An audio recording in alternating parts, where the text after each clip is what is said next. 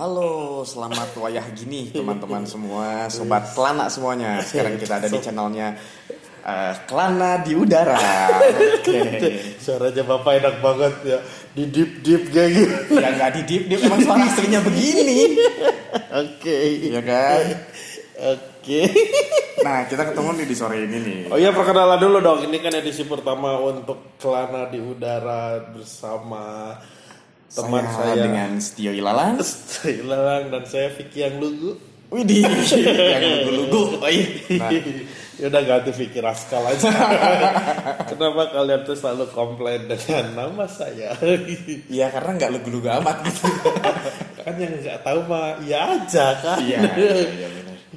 Nah, sekarang nih Bro Vicky nih kalau misalnya di eh, sekarang kita ada di mana nih ini? Sekarang kita kebetulan ada di kedainya Muda Kelana Coffee, Muda Patio. Kelana Coffee ya. Di sini kala itu jadi iklan tuh ya. Memang fungsinya seperti itu. Tapi kalau misalnya buat teman-teman yang di Bandung misalnya mau nongkrong ada ada di eh, tempatnya ada di sekitar Jalan Kerapitan nih buat teman-teman misalnya mau nongkrong ataupun mau cari tempat kopi yang cozy ya itu asik banget tuh di sini tuh. Terusan ada juga banyak varian kopinya ya. Iya, sementara ini masih kopi dari Jawa Barat sementara. Kopi dari Jawa Barat ya. Iya, semoga tahun depan bisa kopi se Indonesia. Kalah kalah. Jadi jadi ada hubungannya dengan si apa sih? Yang kopi Boska, Boska teh katanya. Iya. Heeh, bisi weh dia jadi pengkopi gitu.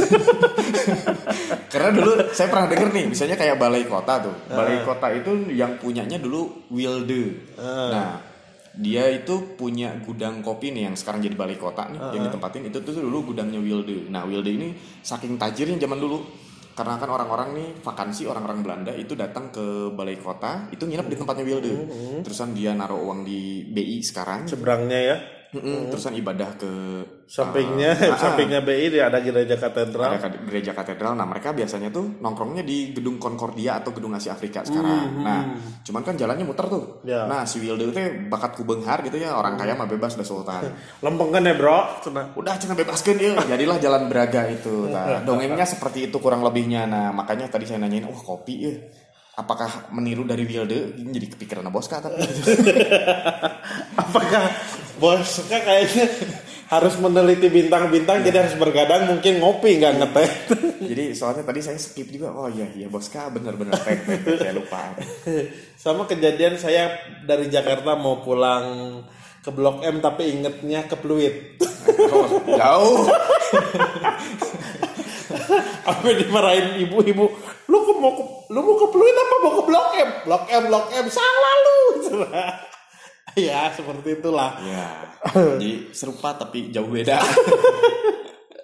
Ya mungkin eh, konon katanya yang apa namanya yang jadi gedung kantor kereta api sekarang yang di viaduk itu. Ah ya, ya. Katanya itu gudang kopi juga katanya ya, tapi Ya. nggak tahu juga. ya dari beberapa sumber literasi memang begitu. Terusan juga eh, banyak banget sih sebenarnya kalau untuk Bandung sendiri ya makanya Bandung nggak pernah ada habisnya buat dikupas gitu. Buat kirain buat di kopi. Jadi misalnya kayak eh, apa sih jalan Pajajaran juga dia punya kisahnya sendiri ya kan dulu pernah ngegebros tuh apa sih terowongannya yang ambles Gebros, ablas, ablas tata geblos. Ya jadi amblas. Nah di sana katanya ada terowongan juga dari pabrik Kina kan sampai Hmm. dengan Kimia Farma. Cuman Uh jauh juga ya. Ah, ah, jadi eh, saya juga belum belum bisa. Cuman ada di beberapa data eh, teman-teman speleologi ya atau caving itu pernah metain juga sih terowongan-terowongan yang ada di ya di Indonesia sih sebetulnya. Cuman salah satunya ada terowongan itu juga ada terowongan yang dipakar gitu eh, gua-guanya. gitu. Jadi menarik aja dengan Bandung. Makanya kalau bilang Bandung diciptakan ketika Tuhan sedang tersenyum, meren gitu dah. Dah emang asik pisan gitu. Apalagi sekarang kan sunset sorena. Aduh, JJS teh. Wow, Pagi-pagi gitu. dingin cocok untuk sarapan. Wah. Dan sekarang kan musim pandemi kayak gini ya orang-orang tuh pada produktif gitu ya. Iya. Jadi pada pada usum nikah udah murah. Iya bener saya juga mau lah. Santai kalau buat orang-orang yang gaclek. Gaclek gimana itu? Apa itu gaclek bapak? Yes, the gaclek is the reproduction of human lah. Jadi itu enak banget gitu kayaknya pagi-pagi kan gitu ya sambil kopi gitu aduh. Corona negatif, istri positif. Nah itu karena kan uh, stay in home gitu ya, uh, work from home gitu dah. Work from home tuh udah enak gitu kita ngelihat video gitu. Kalau misalnya kita kayak tadi saya webinar gitu ya, kan kadang-kadang si mukanya tuh bisa ditutup gitu. ya. Hmm. Jadi nggak di onin si kamera. Jadi ah kuah orang, we, itu nanawan atau atau saya pernah rapat gitu ya mesti pakai kemeja oke atasnya kemeja bawahnya Ya, bawah boxer keren, gitu itu kan oke Asik itu banget mungkin gitu kan. kenormalan kenormalan baru yang sebenarnya nggak normal Iya, jadi absurd gitu ya. Absurd, iya betul Tapi ya gitulah ya. Eh, maksudnya pandemi ini tuh bikin kita mm, banyak mikir juga gitu. Hmm. Nah salah satunya nih eh, kemarin teman-teman juga banyak menggagas ketahanan pangan. betul betul betul Ah, betul Terusan kaitannya sama sekarang kebetulan, udah kebetulan sih sebetulnya tahunan ya.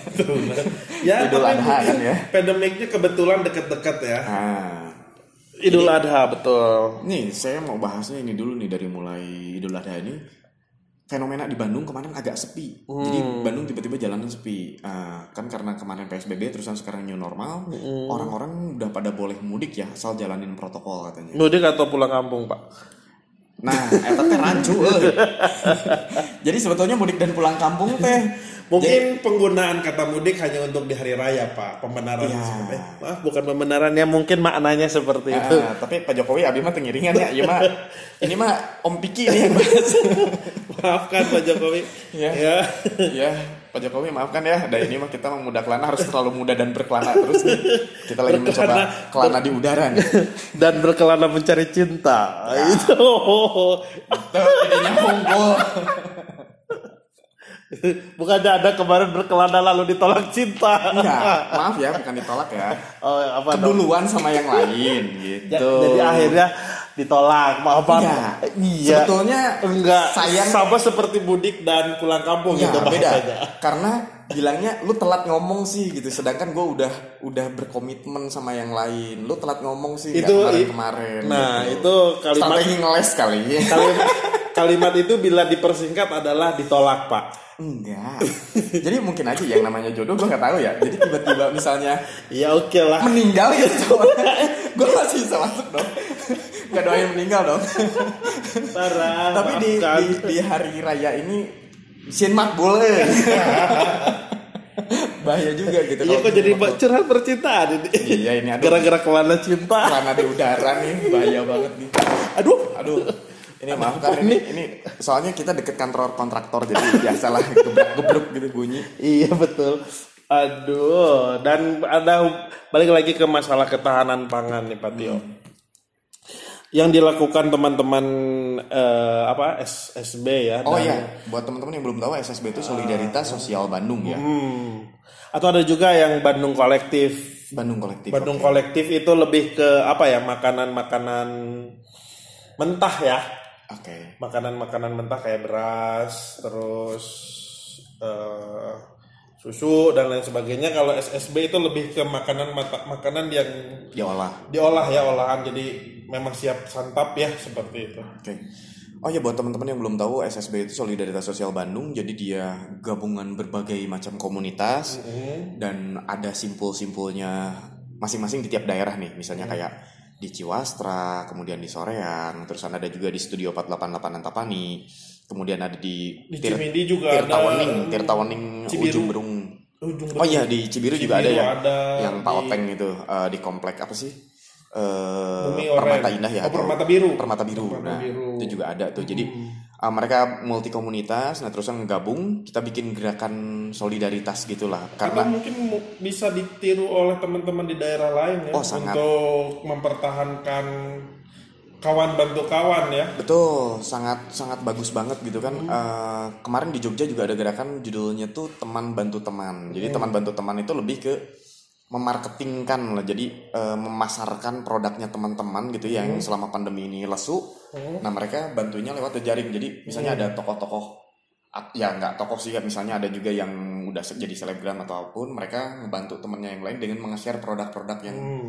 mereka jual. Nah, kayak gitu jadi biar produktif terusan secara perekonomian meningkat gitu biarpun pandemi mereka eh, di rumah gitu ya Hmm. mengerjakan apa apanya di rumah nah tapi tetap ekonomi tetap jalan nah kalau di Bandung kemarin gerakannya juga sama nih misalnya seputar dapur umum Hmm. teman-teman tuh ya udunan gitu jadi Iya. bahan makanan dan segala macam terusan diolah di dapur simpul-simpulnya solidaritas sosial Bandung langsung didistribusikan Tapi aku nggak nyangka banget itu Patio ternyata si stok berasnya SSB nggak kalah sama stok berasnya Bandung kolektif ya. luar biasa ya Heeh. Oke, terusan juga yang menarik lagi kemarin itu untuk eh, ketahanan pangan. Jadi selain berpikir hanya untuk masak aja, ternyata teman-teman juga bikin ketahanan pangannya misalnya untuk menanam di eh, lingkungan terbatas atau misalnya di halaman rumah. Bisa apa sih namanya tuh? Jadi mendadak urban farming ya. Hmm, jadi misalnya kayak em, budidaya lele di dalam Ember, ember, ah, oh. terusan juga hidroponik segala macam, terusan juga ada yang pakai uh, polybag dan segala macam. Nah selanjutnya si hasil panennya nanti dimasukin juga ke dapur, jadi terus muter. Atau misalnya bisa diuangkan, ada yang membeli untuk pengganti pupuk dan segala macam ya. Nah si uangnya ini, ini juga sama masuk lagi ke dapur lagi, seperti itulah.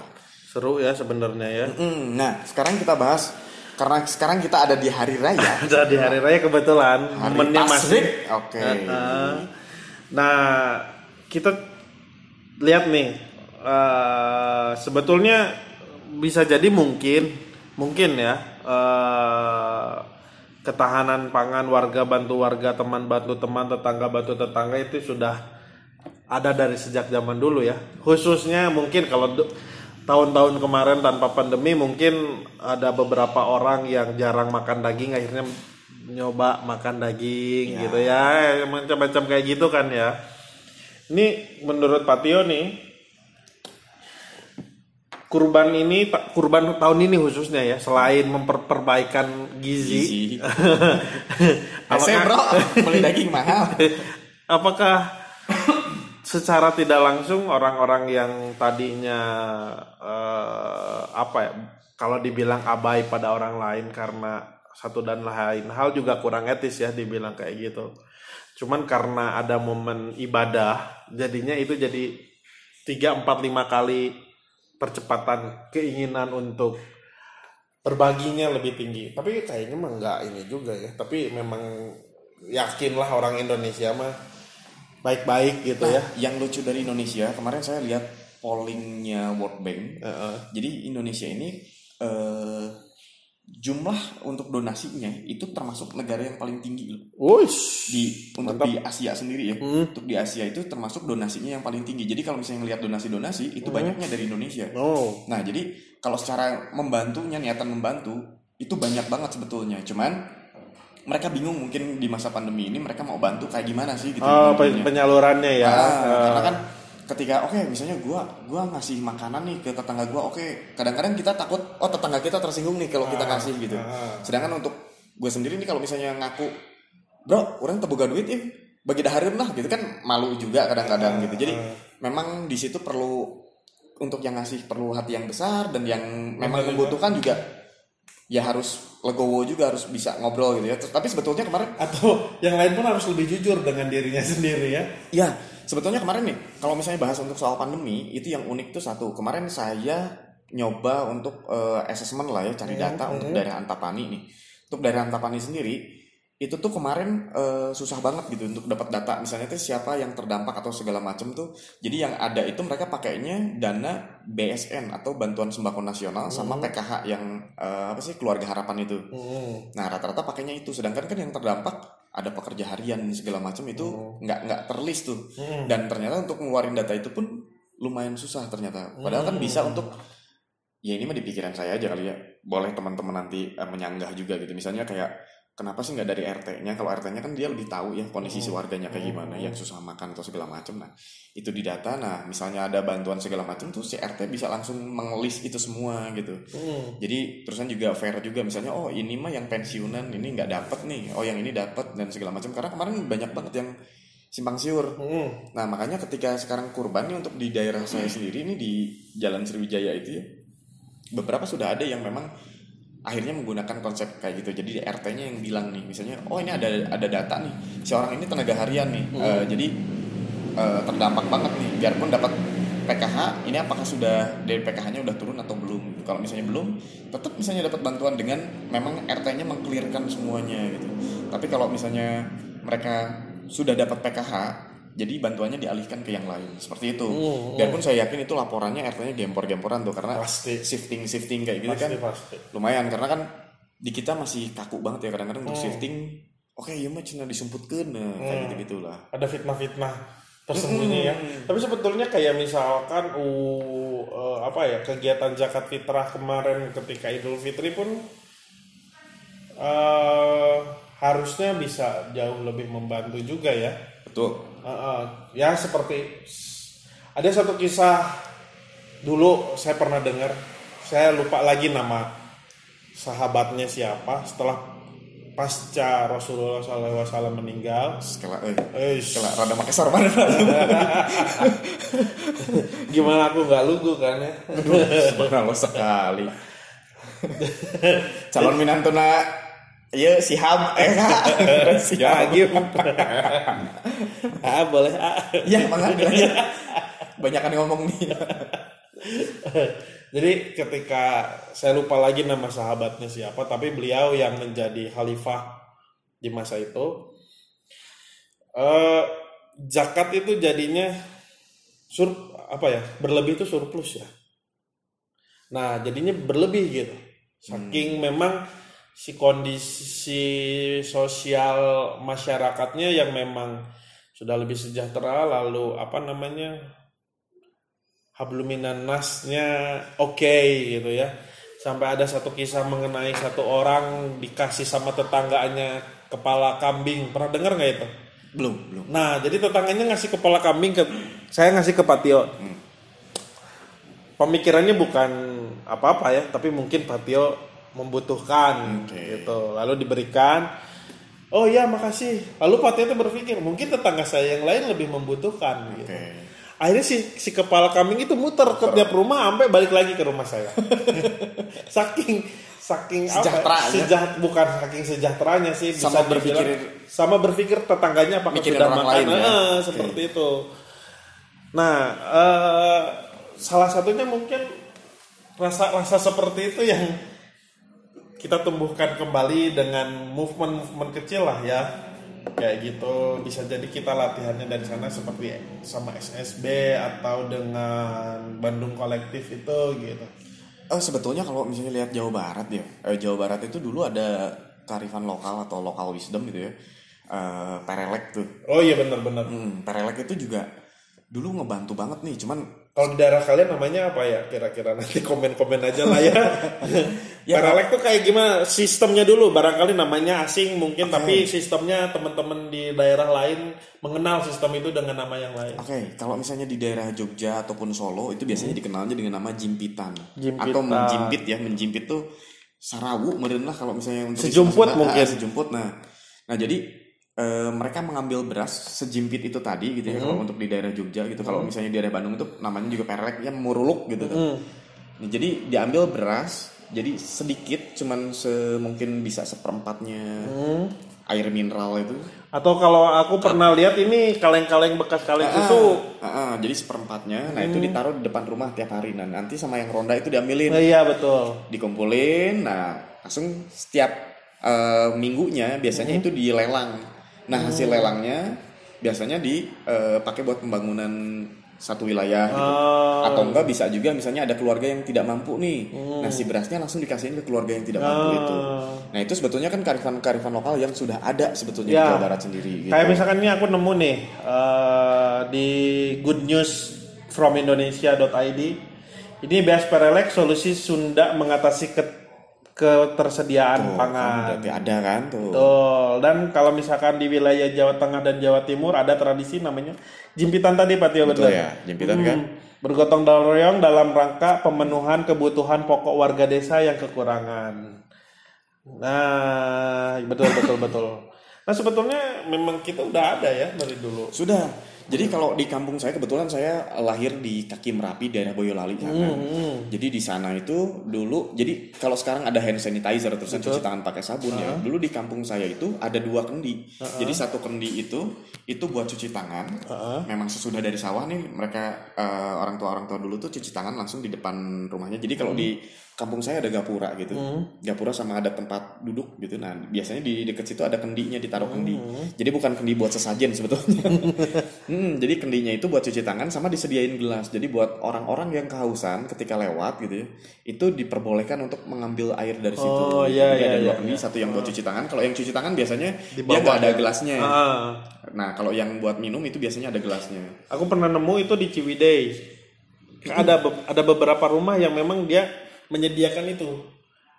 Biasanya kalau itu tuh di dep- di atas apa namanya benteng Ya. disimpan. Ah, Memang ada gelasnya sebagai tanda itu boleh kita minum di Ya, dan biasanya itu terlihat gitu. Maksudnya ketika kita lewat di daerah di sekitar situ itu pasti terlihat sama orang-orang gitu. Jadi memudahkan orang-orang buat mengakses itu. Dan juga eh, apa ya kalau di desa mungkin kan lebih lebih apa ya lebih aware mungkin ya. Jadi ketika minta minum pun akhirnya menyapa gitu sama yang Ya, punya rumahnya. ya. Misalnya punten abing ngiring ieu nya nyungkeun cai misalnya gitu kayak gitu. Nah, atau eh, kalau di Jawa Tengah misalnya Amet derek derek ngunjuk katanya kayak gitu. Eh, artinya apa? Eh, please I can drinking. Nah maksudnya kayak gitu. Drinking drinking but speak English yes. Not drunk kurang lebih kayak gitu lah nah itu pasti jadi obrolan juga gitu. Bisa jadi itu kayak misalkan budaya gotong royongnya kita ya. Ah, ah, betul betul banget jadi tiap mungkin tiap eh, ya kebetulan kita sekarang masih masuk di suasana Idul Adha ya. Jadi tiap religi itu sebetulnya mengajarkan memang eh, empati ke orang, terusan membantu orang gitu. Terusan ya kalau muslim mungkin dengan kurbannya sekarang zakat fitrah gitu. Nah, kalau di Jawa mungkin ya itu tadi yang jimpitan, terusan juga ada itu sudah ada semenjak dahulu gitu ya. Jadi budaya untuk menyediakan minuman, terusan cuci tangan segala macam itu udah ada sejak dulu gitu kearifan lokal itu. Nah, eh, sampai dengan tahun berapa ya? Hmm, ntar gue dibilang lawas lagi. Ya nggak apa-apa kan kenyataannya seperti itu Pak Tio. Jadi Harus jujur pada diri sendiri. eh 2016 gue masih lihat itu masih ada gitu. 2016 ya. Tapi karena gue udah nggak mudik juga gitu, udah cukup eh, selang-seling gitu mudiknya. 2016 gue lihat terakhir itu masih ada gitu. Ah, Eh, masih ada di beberapa rumah itu masih ada dan itu cukup cukup asik. Cuman kalau jalanin di Bandung gitu ya dengan halaman yang eh, dekat ke mana-mana gitu ya. Maksudnya dekat ke mana-mana tuh ruang tamu deketin dapur gitu. Dapur gitu. ada teman, ada loh, ada jangan salah, jangan salah teman saya ada yang dapurnya eh ruang tengahnya itu Cianjur, Hmm. dapurnya itu di Purwakarta, Pak Tio. Waduh, daerah jonggolnya. Eh, kayak jadi kalau dia mau ke mana mengambil mau ke Purwakarta dulu ambil minum Gede ya rumahnya. nggak tahu juga segede apa tapi ya mungkin perbatasan ya, nah itulah. Jadi eh, untuk rumahnya yang dekat ke mana-mana, untuk menyediakan kayak gitu mungkin dengan halaman yang tipis itu sulit. Tapi bukan berarti nggak bisa ya. Sebetulnya bisa aja. Misalnya di beberapa checkpoint, cuman tinggal kesepakatan sama warga saja. betul betul betul Dan eh, ya maksudnya kalau zaman dulu mah rasaan uh nu jahil eh. jadi bisa Ada aja yang jahil. diambil gitu kan, ada yang ya. jahil cuman ya sebatas kesenangan aja gitu bukan jadi kebiasaan Ah, jadi kalau zaman dulu tuh itu kayak gitu. Jadi sangat apa ya? Sangat memperhatikan orang lain gitu. Nah, mudah-mudahan saat ini juga bisa dengan adanya pandemi ini sebetulnya ada ada makna positifnya juga. Kita jadi berpikir soal orang yang lain, Betul. soal tetangga segala macam ya. Nah, sekarang kalau misalnya untuk kurban sekarang nih ada nggak Kang Vicky kalau misalnya di daerah eh, eh, Kang Vicky sendiri misalnya untuk pembagian kurban kemarin kayak gimana atau misalnya jadi ada apa ya misalnya gudang daging meren gitu jadi nanti oh ya mah di stoknya buat berapa hari ke depan gitu. Atau misalnya si warganya sendiri sudah menjalankan itu atau gimana gitu. Kayaknya kalau di tempatku nggak ada Tio. masih seperti Idul Adha Idul Adha sebelumnya jadi daging dibagikan uh, dengan daftar nama yang sesuai syariah mungkin ya. Mungkin. Karena saya belum pernah jadi panitia kurban. Tapi eh, beberapa kali alhamdulillah pernah Oke. kurban. Dan memang kita membuat list sepe- sepengalaman aku ya. Kita membuat list memang daftar orang-orang yang pertama yang terdekat dulu lalu yang terjauh. Tapi mungkin dengan mode seperti membuat daging kaleng atau cornet ya Ya. agar bisa tahan lama beberapa organisasi sudah melakukan itu. Seperti misalkan memang di kompleks perumahannya atau di masjid tertentu jumlah binatang kur- eh, binatang kurbannya banyak bisa dilakukan seperti itu gitu.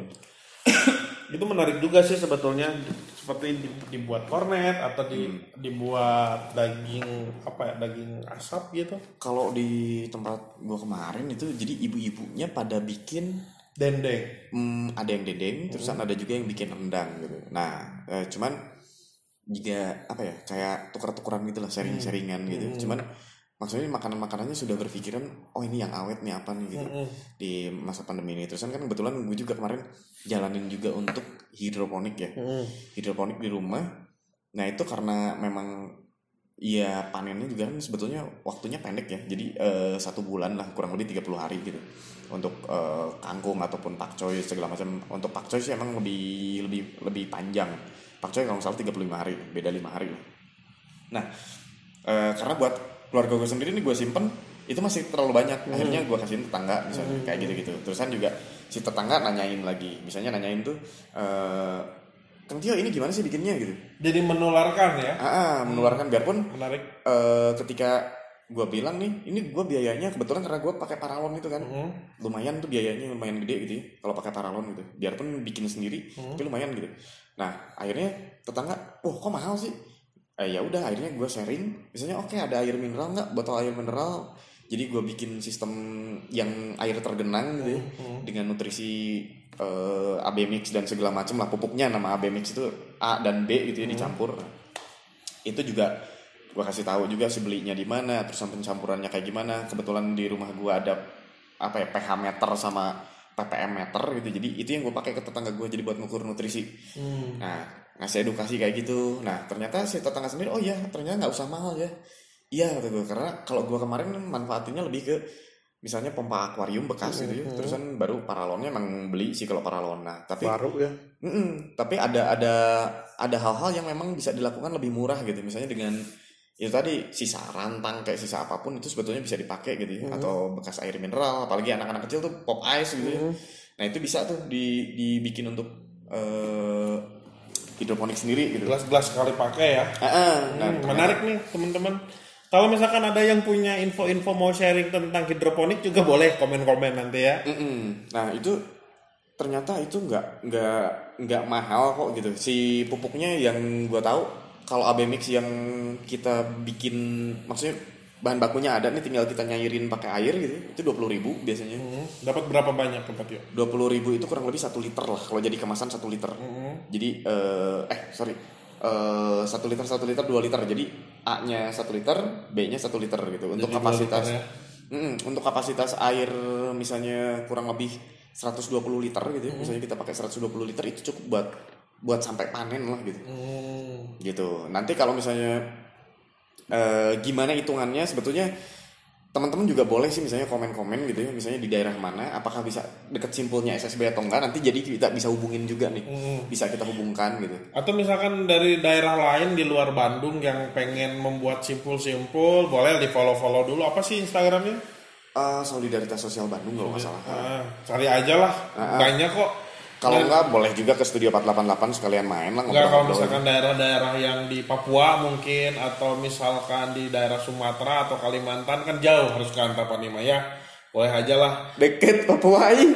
iya kan siapa tahu jangkauan kita sampai ke Papua kan. kan jadi solidaritas sosial Indonesia atau Nah, itu gitu kan lah. lebih bagus. iya cuman Membuat simpul-simpul baru di wilayahnya gitu. ya Itu kan jadinya lebih bermanfaat. Boleh Kecuali tanya-tanya kalau- misalkan nanti tanya-tanya lah gimana sih membuat movementnya Bekasi kalau nggak salah ada kan teman kita Ya, yang bikin movement juga Bekasi kolektif nih misalnya Bekasi kolektif dia ngegerakin berbagai komunitas untuk di Bekasi nih misalnya eh, terusan bareng sama solidaritas sosial Bandung gitu ya Hmm. misalnya oh bikin gerakan ini hayu gitu jadi bareng nih ngubungin antara Bekasi sama Bandung Split gitu. ya. Mm-mm. Jadi misalnya ada ide apa di Bekasi, terus di Bandung juga ada ide apa, gitu bisa tukeran gitu. Jadi untuk inspirasi sebenarnya bisa dari lingkungan terdekat, Nah bisa itu juga dari maksudku. teman-teman yang jauh juga. Iya maksudnya nggak mesti kalian datang ke Bandung untuk membuat movement di tempat kalian kan gitu. Jadi misalkan yang di Solo, Jawa Tengah atau di Surabaya ingin membuat movement untuk membantu temannya, membantu tetangganya kan bisa langsung gonjreng di sana gitu ya. Sebetulnya gerakan solidaritas kayak gitu banyak banget. Misalnya kayak di Jogja sendiri yang tadi aku cerita, eh, si teman bantu teman itu lebih ke kalau dia broadcast ya, broadcastin produk gitu segala macam biar si ekonominya tumbuh dan orang-orang nggak kelaparan lah kasarannya kayak gitu. Nah sedangkan kalau di Bandung kan dengan, bentuk pangannya, jadi sebetulnya bisa dijejaringkan sih itu gitu Ya, karena ya. kemarin si basis masaknya juga di sana oke ini gerakannya bagus dan kebetulan yang kalau yang di Jogja itu kemarin dari teman-teman stand up jadi stand up uh, komedian Indonesia gitu ya itu juga sama jadi bikin donasi juga mereka terusan uh, ngasih ke teman-teman uh, apa ya komika gitu ya itu sama tuh jadi cuman bentuknya ada yang sembako ada juga yang bentuknya finansial uang Ya gitu. kayak kayak si Bandung kolektif itu kan digagas oleh teman-teman musisi ya. Sama juga kayak di SSB juga beberapa teman musisi aktif di sana. Mm-mm. Cuman pas di Bandung kolektif itu lebih ke sembako dan banyak juga teman-teman musisi yang terdampak. Dan so- soundman, sound engineer, kru kayak gitu kan banyak yang terdampak. Kemarin ya terus belum lagi fotografe juga sama tuh oh, fotografer, Ya, fotografer. fotografer stage, fotografe lagi. Kamu mah ih, nakal. Iya, maksudnya itulah.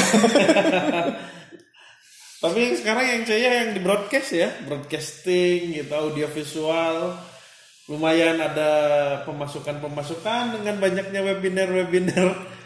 ya, sebetulnya Semoga ada ada yang naik dan ada juga yang turun ya. Ya. Misalnya kayak ya kayak gue sendiri sih banyak turunnya kan sebetulnya kemarin-kemarin di pariwisata ya. betul, eh bukannya banyak lagi itu mah semuanya. Ya, jadi pariwisata terusan sama event juga. Nah, Betul. jadi eh, ketika ada pandemi ini ya jujur-jujuran nih si event nggak ada gitu kan. Terusan tamu juga segen lah misalnya mau datang terusan dengan protokol yang ribet gitu ya. Betul, betul. Eh, ya maksudnya ribetnya itu beda sama biasanya. Kalau biasanya oke gue berangkat berangkat gitu. Kalau sekarang kan oke ini dia ngerasa insecure gitu akhirnya sama oke teman-teman gue ini benar-benar aman nggak kan? Kayak gitu-gitu ya. jadi otomatis sektor itu eh, banyak tewas tuh. Maksudnya eh, mati suri lah ya sekarang ini gitu.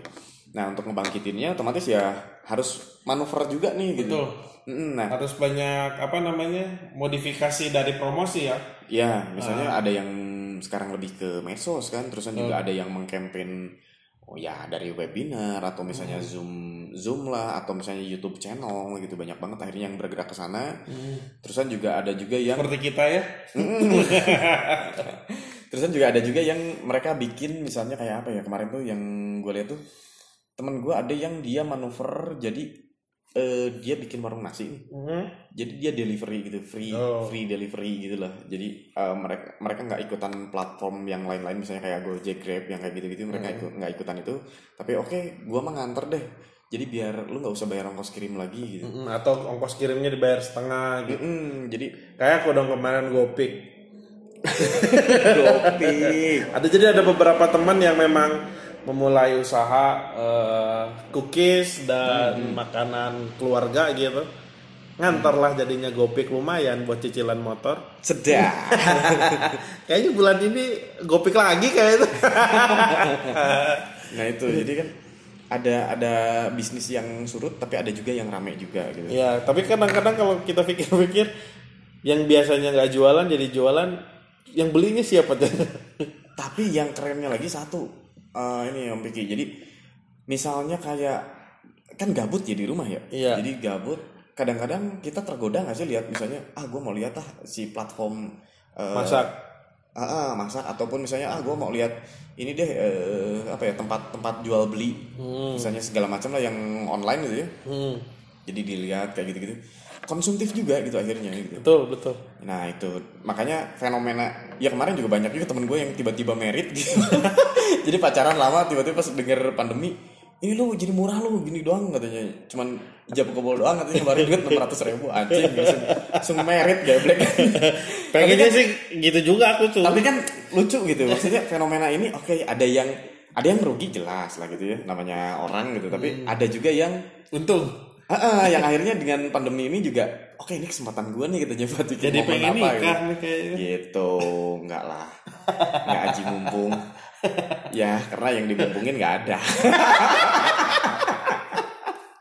Iya, kalau mau ada yang dimumpungin barangkali penasaran Patio itu seperti gimana boleh apa Instagramnya Pak? oke ada di Setio Ilalang At Tio Ilalang ya. Tio. Oke, kalau aku mah at at Vicky titik Raskal.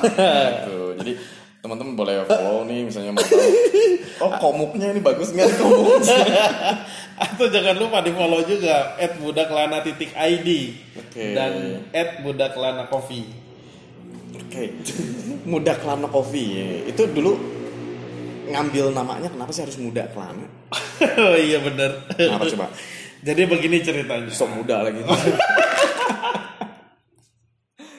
Jadi Kenapa harus muda kelana Eh, sebetulnya Patio aku tergabung dalam satu komunitas pecinta wisata namanya Genpi. oke Bukan Gempi. Oke. Kalau Gempi saya cinta mamanya. Oke. I know, I know, I know. Dan nah akhirnya kita membuat satu program yang anak muda banget karena Oke. sasarannya kita tuh milenial sama generasi Z. Oke, oke, oke, oke.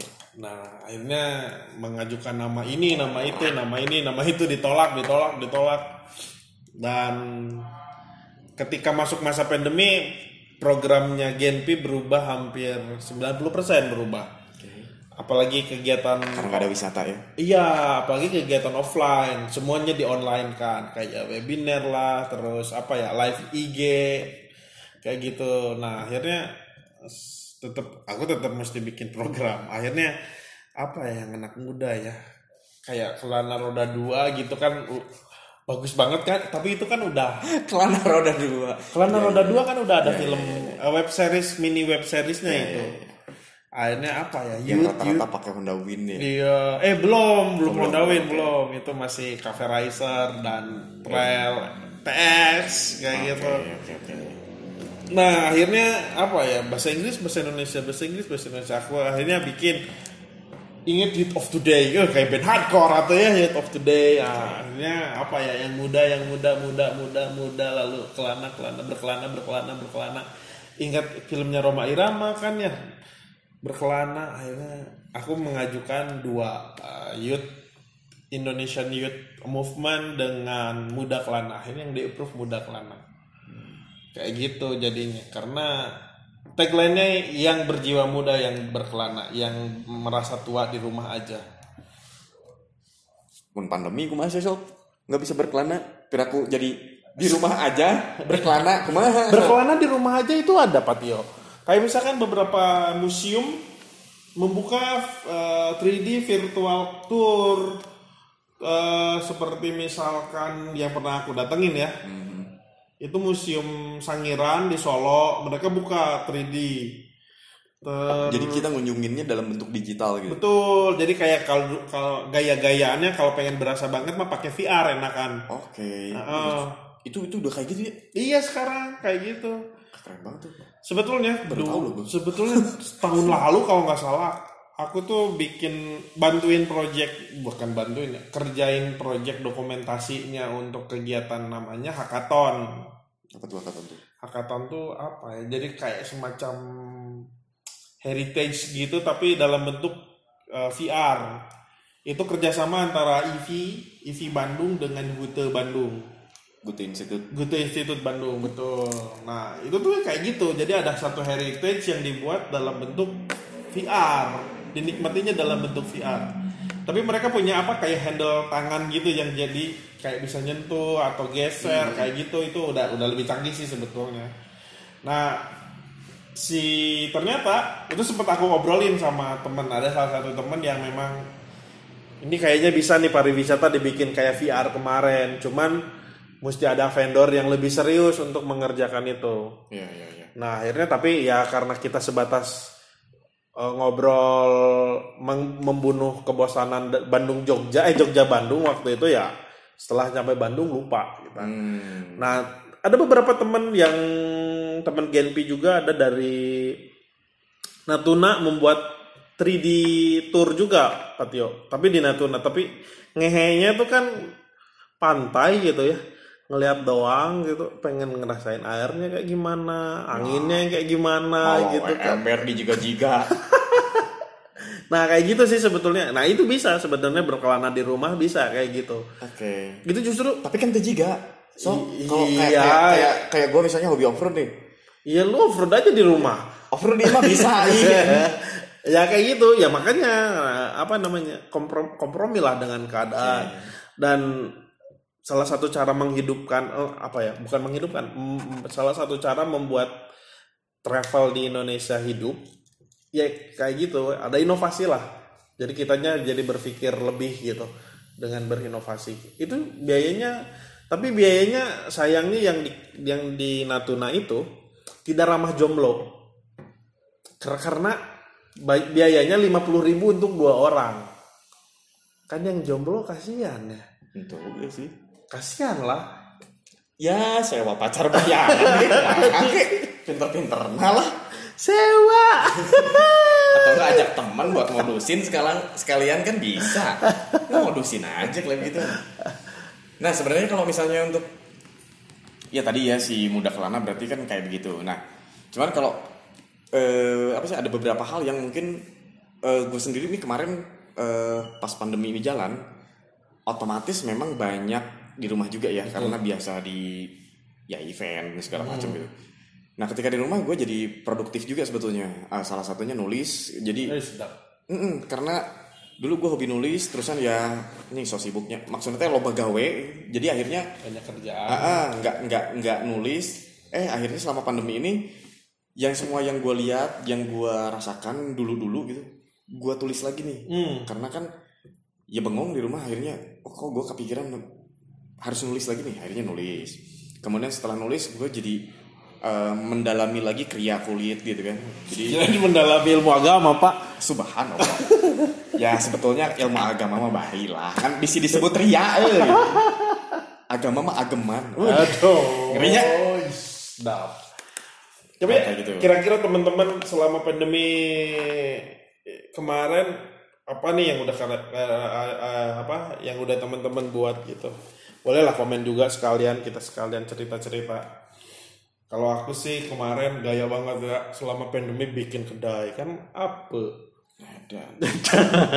Ayo.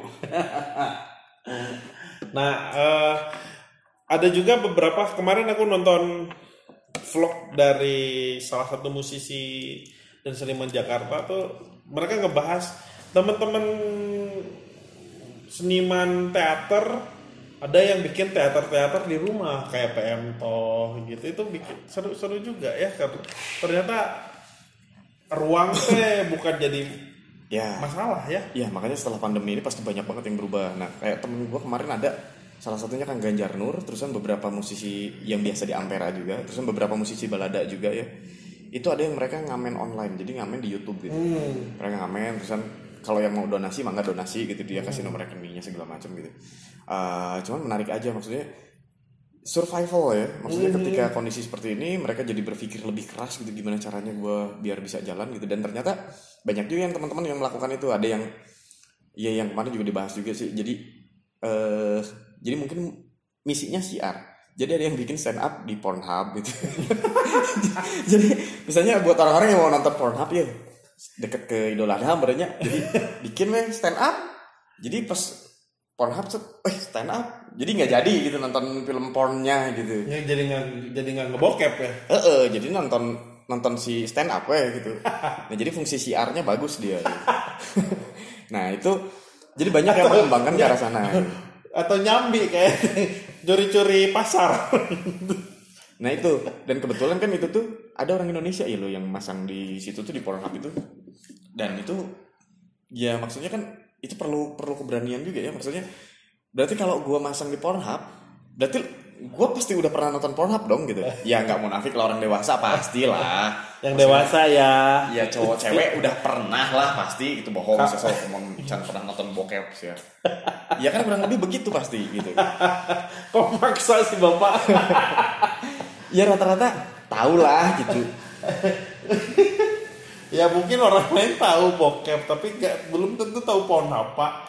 Kok jadi kita promosi pohon sih? Iya. Oke skip. Oke, skip. Oke, lewat.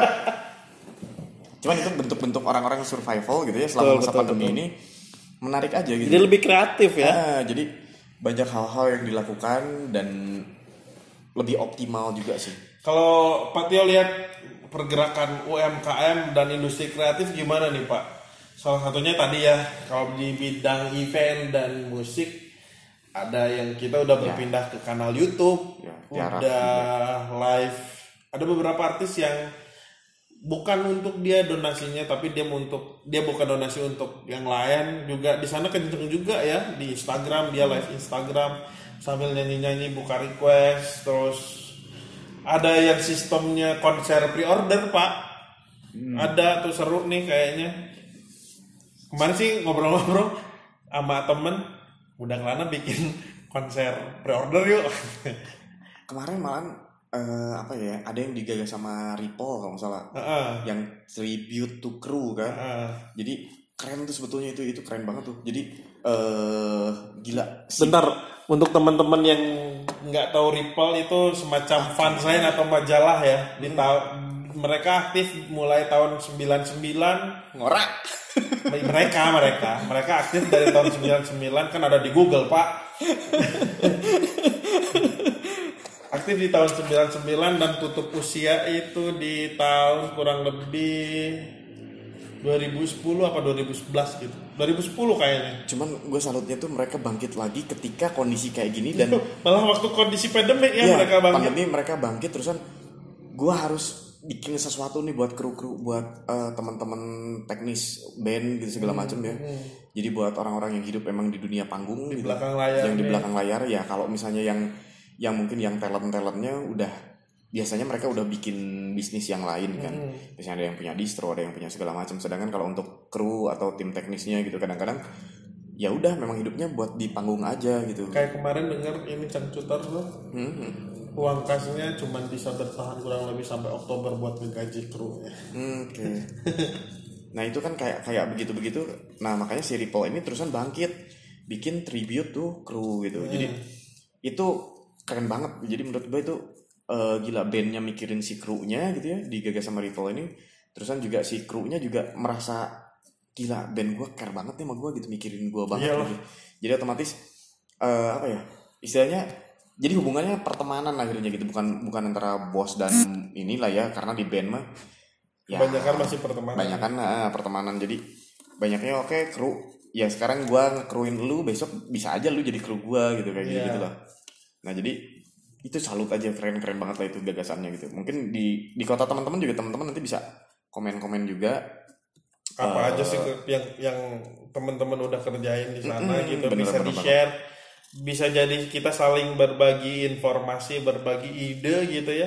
Hmm. Mungkin di Bandung kayak gini, tapi belum kepikiran untuk di Balikpapan mungkin ya, Ya, atau ya. di Flores atau Ternate gitu belum kepikiran dan oh iya ya ini bisa juga nih kita bikin kayak gini gas lah kita eh, berbagi ide berbagi gagasan untuk menghangatkan terus pertemanan kita gitu terus apa ya eh mengasah terus sisi kemanusiaan kita agar kita sama-sama bisa keluar dari masa sulit ini dengan selamat gitu. Ya gua ada ada suka kata-katanya Sohogi gitu ya. Hmm. kata-katanya Sohogi itu dia bilang eh, kalau lu mau kenal dengan ya kurang lebihnya kayak gitu tapi eh, bilangnya kayak gini kalau lu mau kenal dengan warga negara lu lu jalan-jalan lah atau berkelana lah gitu ya.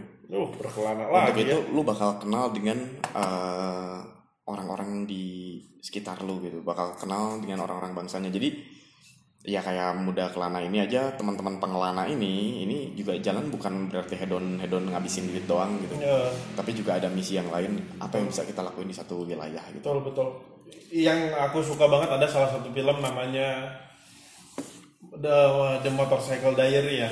Hmm, Che Nah, Guevara Che ya. Guevara. Itu ternyata jauh dari sebelum Che Guevara menjadi revolusioner tuh dia diajakin gas dipaksa nemenin seniornya ya buat melakukan perjalanan di menyusuri Amerika Latin dan ternyata perjalanan-perjalanan itu yang membuka wawasan-wawasan Siapa sih namanya? Alberto Granado ya? iya kalau nggak Si- salah saya ingat si- motornya doang Norton Gope. El Pedroso namanya Iya. dari sana kan Che Guevara akhirnya melihat eh, Ernesto itu melihat banyak sekali ketimpangan, banyak sekali ketidakadilan kemanusiaan ya di sepanjang perjalanannya yang akhirnya membuat dia malah habis lulus malah balik lagi ya.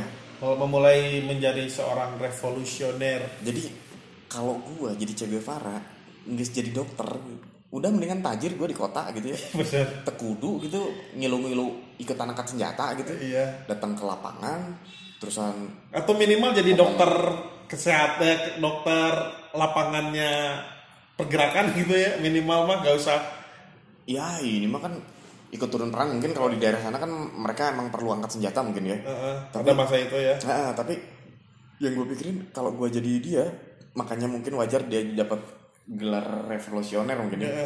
Dan banyak yang mencintai. Hmm. Karena memang pergerakan pada saat itu, ya kalau gue jadi dokter mah udah gue di kota gitu, atau misalnya ini gue sumbangin sebagian kekayaan gue, udah minimal nyawa gue awet gitu. tapi kan Hidup tenang. Ah, ah. hidup tenang kayak raya gitu bisa bantu orang gitu. Tapi Che Guevara ini terkenal justru karena dia mati. Pasti kayak gitu loh biasanya. Orang-orang yang besar itu adalah orang-orang yang mati gitu. Atau mungkin di episode berikutnya kita membahas mengenai dampak dari satu pekerjaan apa dampak dari satu perjalanan ya. Seru juga kayaknya. Bisa. Karena banyak beberapa banyak beberapa ada beberapa teman yang melakukan overland yang akhirnya menemukan dirinya gitu. Oke. Menemukan diri dan Tuhan ya oke. Jadi ah haji ada yang kehilangan Tuhannya malah. Gue jadi ketawa sendiri. Kagak jadi eh, ya kalau ngomong overland ya ya nantilah banget. kita bahas berikutnya ya. Seru banget itu. Nah, kira-kira nih karena durasi nih, Mhm. takutnya kalian bosen lagi. Ya kalau kalian ternyata nggak bosen, episode berikutnya kita tambah lah durasinya 10 menit. ngaruh Main Candy Crush aja lumayan tiga langkah. Hmm. ah, eh, karena durasinya kita coba dulu sejam ya. Kira-kira nih, tadi kan usulan aku untuk di episode berikutnya ngebahas mengenai dampak dari suatu perjalanan. Kalau misalkan Patio ada ide lain, barangkali atau teman-teman yang ngedengerin ada ide lain, boleh meninggalkan komentar untuk kita enaknya bahas apa ya, kayak gitu. Ini kita bakal tayang mingguan, bulanan, harian, tahunan, Eh, winduan. karena kalau Spotify kan formatnya jadi mendingan mingguan aja Oke. karena kan itu ke save di situ ya mereka mau dengerin kapan pun gitu makanya tadi gue bilangnya Willy jeng wayah gini gitu. Karena ya kalau dengerinnya malam gue bilang selamat pagi juga kan repot juga gitu. Iya bener. nah jadi Willy jeng wayah kieu weh. Selamat jam-jam segini ya. Oke, baiklah. Untuk sesi pertama yang sebetulnya out of content. Sebenarnya kita pengen ngebahas mengenai apa ya namanya Hari Idul Adha dan ketahanan pangan. Tapi ke sana ke sini Jadi tapi ke sana ke sini, ya. nggak apa-apa lah ya. sebenarnya kalau Idul Adha sendiri sih ya ini mah jadi ameh jika ayah value valuean Nah, biar ada nilainya aja jadi sebetulnya kalau Idul Adha itu tadi yang gue baca gitu ya anjing karek dia baca kurban Oh mau, mau bahas lagi Pak Idul Adha. iya kurban itu artinya dekat Dekat. jadi dekatnya ya bisa kita dengan pencipta terusan dengan tetangga kita karena berbagi Betul. Atau dengan ya tetangga kita karena kita saling memotong hewan kurban. Jadi kru kru potong. Ah, jadi lebih dekat terusan juga lebih peduli ya Oh barangkali bisa lebih dekat dengan keluarga karena yang biasanya satenya beli di luar makan lalu tidur masing-masing kan ya bisa jadi nyate gitu. ya Ada proses Ya. proses membuat satenya jadi lebih dekat gitu. itu juga iya sih cuman pandemi terkurang kumaha gelo bro maksudnya dengan pandemi ini tiga bulan bareng sama keluarga iya gue bareng sama ibu gue gitu ya pagi-pagi sekarang rutin seminggu itu tiga kali pasti lari bareng gitu Eh, sedap. jadi eh, me time-nya ada dulu dulu gue pas tajir Family time. Mm, jadi pas waktu dulu gue pas tajir gue nggak sempet kayak gitu gitu. Stajir sekarang miskin lagi pak. jadi dulu pas, pas tajir iya kan gue pernah kerja lapangan ya maksudnya dua minggu pulang ke rumah gitu. Selama dua minggu itu gue capek jadi cuman sekali makan misalnya bareng sama keluarga gitu ma- makan keluar gitu. Nah terusan ya udah eh, balik udah balik ya udah gitu. Gue piknik sendiri atau ke mana gitu udah tapi cuma segitu Ada dulu. oke ada dulu lah oke oke atau misalnya mau langsung tutup helawai Langsung tutup aja Ah, dulu ya. siap, siap. Biar nanti langsung salat. Boleh ditebak ini ada apa coba? Su- Subuh kah? Atau zuhur, asar maghrib bisa? nupugu Baiklah. Untuk sesi pertama karena kita udah mau azan, eh udah azan. Salat tuh khairu minan naum Asatu khairum minan naum. Itu mah sholat subuh atau atau kali ini ada awal jam 3 ya ada ada, ada tahajud Azan tahajud. Iya. Baiklah, untuk sesi pertama kita akhiri dulu.